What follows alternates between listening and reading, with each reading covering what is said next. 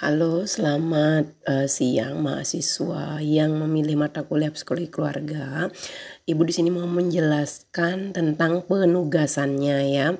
Penugasan individu biar lebih clear dan jelas gitu. Jadi uh, nanti kalian mencari sebuah satu buah keluarga gitu ya atas izin terlebih dahulu ya bisa di dekat tempat tinggal kalian gitu atau ada keluarga kalian gitu kan. Biasanya kalau tinggal di desa ada ya ada yang tinggal bareng dengan keluarga yang lainnya juga gitu ya.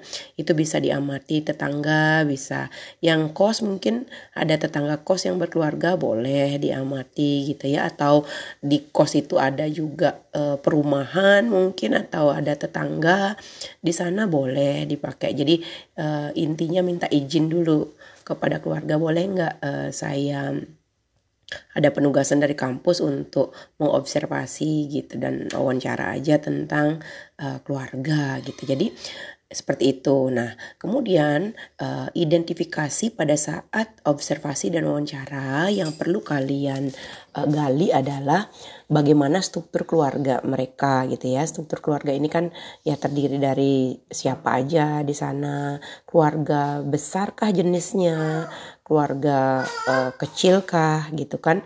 Ada extended family atau keluarga uh, kayak gimana uh, family origin? Kan banyak tuh ada jenis-jenis keluarga yang menurut Sudiarto atau yang menurut family uh, konvensional skin atau uh, apa gitu. Banyak lah. Nanti kalian lihat di uh, materi materi-materi sebelumnya itu tentang uh, struktur kondisi kondisi fisik keluarga.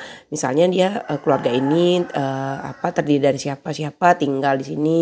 Dari segi ekonomi kelihatan berkecukupan atau di bawah uh, menengah ke bawah atau menengah ke atas misalnya gitu ya. Situasi tempat tinggalnya kayak gimana.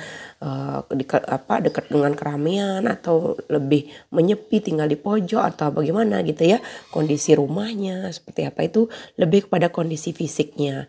Atau dari keadaan anggota keluarganya bagaimana gitu kelihatan mereka tertata nggak kehidupannya atau amburadul gitu ya itu diamati gitu Kemudian ada identi identifikasi yang lain, uh, temukan nanti motif alasan mereka untuk membina keluarga di awal itu seperti apa gitu ya.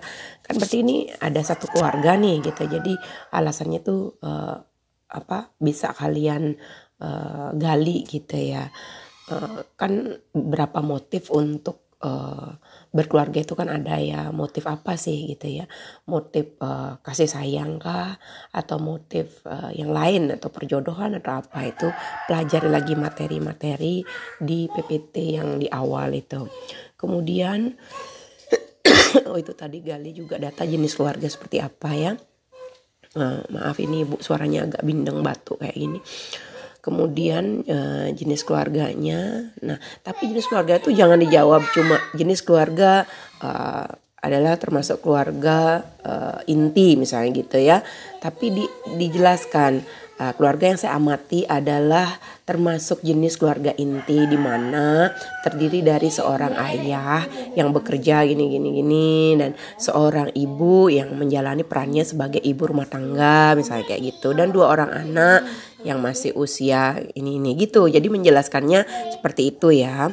Kemudian menemukan uh, merit satisfaction dan merit un unsatisfactionnya jadi kepuasan dalam pernikahan atau ketidakpuasannya uh, lihat lagi juga materinya seperti apa itu kalian gali gitu ya kemudian fungsi dan perkembangan keluarga tersebut. Jadi, apakah keluarga itu berfungsi? Uh, contohnya, uh, fungsi um, reproduksi, fungsi pendidikan, atau fungsi ekonominya gitu. Kalian lihat lagi materi tentang fungsi dan perkembangan keluarga. Seperti apa sih fungsi-fungsinya? Berjalan dengan baikkah atau ada ketimpangan atau hambatan di keluarga tersebut?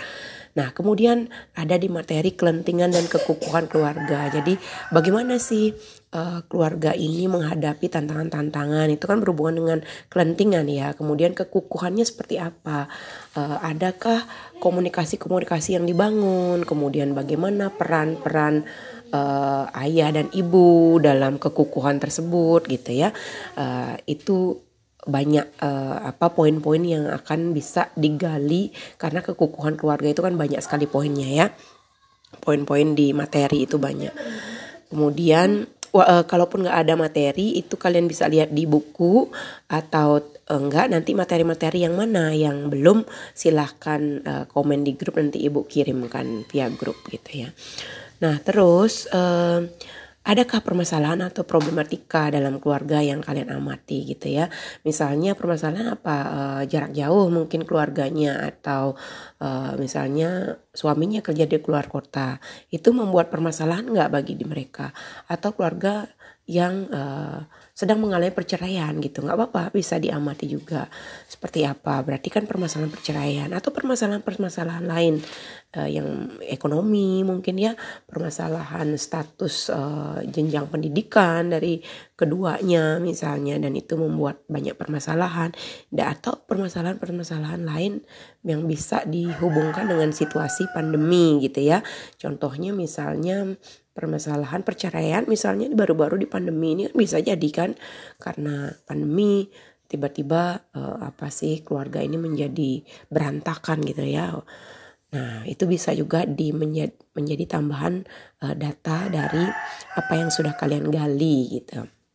Nah, setelah data itu diperoleh, uh, nanti data itu diolah kan. Otomatis diolah setelah kalian wawancara. Kan nggak mungkin kan hasil wawancaranya itu langsung plug di copy paste gitu kan. Nggak mungkin ya. Jadi dibahasakan dengan bahasa yang ilmiah gitu ya. Jadi misalnya uh, pas wawancara kalian bertanya ibu berapa bersaudara? Misalnya seperti itu. Uh, saya uh, saudara saya sih perempuan semua gitu. Kan nggak mungkin di di laporan saudaranya dia sih perempuan semua nggak gitu kan bahasanya. Jadi membahasakan kan diubah menjadi kalimat yang lebih ilmiah gitu. Bahwa um, uh, ibu memiliki saudara uh, adik-adik berjumlah uh, tiga orang di mana perempuan semua. Salah satu adiknya menjadi ini. Ini kan itu lebih lengkap gitu ya. Itu bisa seperti itu nah kemudian itu sudah nanti diketik ya dengan uh, time news roman spasi eh, font 12 spasi satu setengah marginnya 433 gitu. Uh, mungkin udah ngerti kan margin 433 kemudian uh, gunakan bahasa yang terstruktur ya dan format laporannya seperti di bawah ini juga nanti ibu sertakan. Nah uh, ada identitas keluarga gitu. Kalian bisa bisa diwawancara gali uh, seperti apa ini nih bu contoh saja di sini. Dendes keluarga ada ayah ibunya kemudian ada anak pertama anak kedua gitu ya. Nanti di, ditambahkan kolom-kolomnya lagi ada anak pertama. Atau kalau extended family mungkin ditambahkan ada bibinya gitu ya keterangan bibi atau paman gitu. Kemudian ada genogram namanya. Nah, genogram inilah yang akan nanti Ibu berikan penjelasan lewat video gitu ya tentang genogram. Kemudian uh, karena genogram ini agak sulit kalau Ibu menjelaskan di podcast begini di video sudah ibu bikinkan nanti.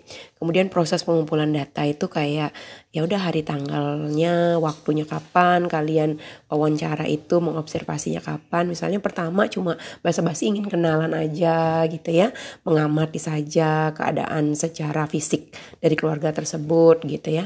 Kemudian lagi dua harinya mungkin uh, baru bertanya, baru interview, baru observasi bagaimana dinamika psikologi keluarganya seperti itu. Nah, setelah peng proses pengumpulan data baru deskripsi singkat keluarga. Deskripsi singkat keluarga ini ya diuraikan aja uh, keluarga ini ad adalah sebuah keluarga kecil uh, termasuk extended apa uh, keluarga inti yang tinggal di disamarkan ya nama keluarganya, nama uh, nama keluarganya ini juga. Jadi di, dibuat nama samaran gitu ya. Misalnya di tinggal di daerah apa gitu. Jangan disebutkan alamatnya secara detail. Kemudian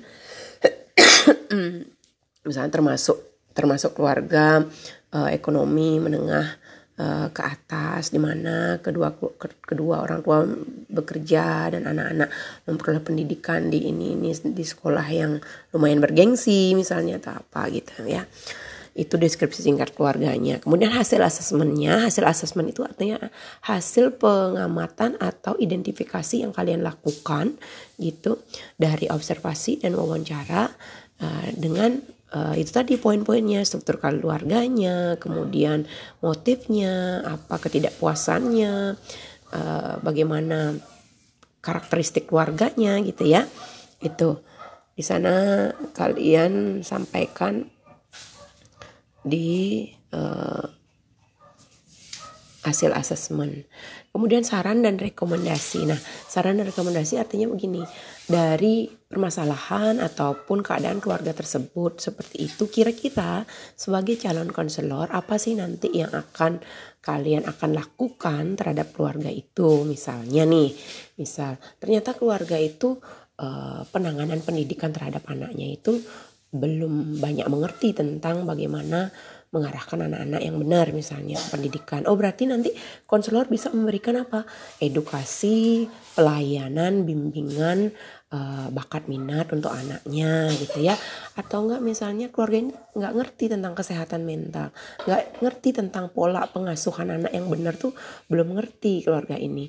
Nah sehingga yang kalian bisa uh, rekomendasikan adalah konselor memberikan misalnya konseling tentang uh, pengasuhan anak atau bimbingan ataupun edukasi gitu ya. Edukasi tentang eh, pola-pola uh, pengasuhan yang baik dan sehat misalnya seperti itu gitu ya. Itu saran dan rekomendasi. Kemudian jangan lupa dokumentasi pada saat kalian melakukan pengamatan gitu.